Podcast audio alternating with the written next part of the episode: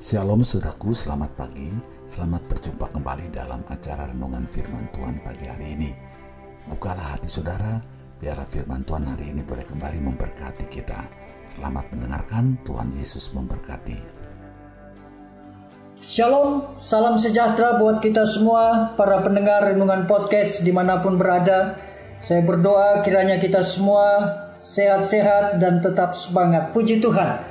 Firman Tuhan pada hari ini terambil dari kitab Daniel 3 ayat 23 sampai 25. Tetapi ketika orang itu yakni Sadrak, Mesak dan Abednego jatuh ke dalam perapian yang menyala-nyala itu dengan terikat, kemudian terkejutlah Raja Nebukadnezar lalu bangun dengan segera.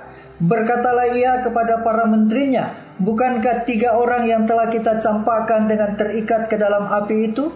Jawab mereka kepada raja benar ya raja. Katanya, tetapi ada empat orang kulihat berjalan-jalan dengan bebas di tengah-tengah api itu. Mereka tidak terluka dan yang keempat rupanya seperti anak dewa. Puji Tuhan. Firman Tuhan pada hari ini dengan tema tahan uji. Saudara yang dikasih Tuhan, sebagai orang-orang Kristen, kita harus tahan uji dalam menghadapi dunia ini. Tahan uji sama dengan kemampuan untuk bertahan dalam pencobaan. Saat engkau ada di dalam kesukaran, kesulitan, bahkan beban hidup yang berat, jangan meninggalkan Tuhan. Hendaknya engkau tetap setia, engkau tetap bersungguh-sungguh dengan Tuhan. Maka engkau akan melihat bagaimana cara Tuhan untuk meluputkan, membebaskan, dan menyatakan kuasa atas kehidupanmu.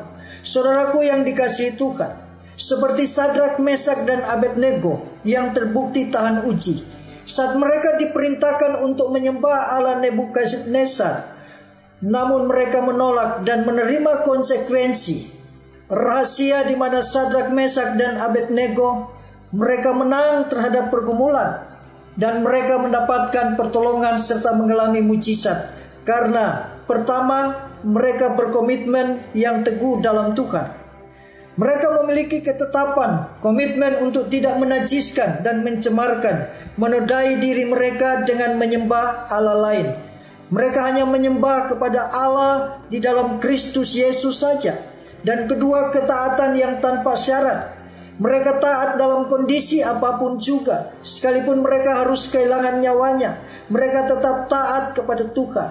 Jika hari ini di antara saudara di mana doa-doamu belum terjawab, pergumulanmu belum terselesaikan, bahkan sakitmu belum disembuhkan, ekonomi belum dipulihkan, biarlah engkau tetap berkomitmen untuk sungguh-sungguh percaya kepada Kristus tanpa syarat. Dan yang terakhir ketiga ada penyertaan Tuhan. Ketika mereka berkomitmen dan taat tanpa syarat, maka Allah menyertai mereka sehingga mereka dapat menerima mujizat yang Tuhan nyatakan dalam hidupnya. Saudaraku yang dikasih Tuhan, pada waktu Sadrak, Mesak, dan Abednego, tiga orang mereka dibuang ke dalam lautan api. Tetapi di situ dikatakan banyak orang yang menyaksikan dan melihat di mana lautan api itu sudah menjadi empat orang. Dan pastikan orang yang keempat dialah Kristus yang membebaskan, meluputkan Sadrak, Mesak dan Abednego. Sehingga api tidak mampu membakar mereka, api tidak mampu menghanguskan mereka, api tidak mampu oh menghancurkan akan kehidupan mereka terlebih masa depan karena mereka ada di dalam pemeliharaan, pertolongan dan kuasa Tuhan.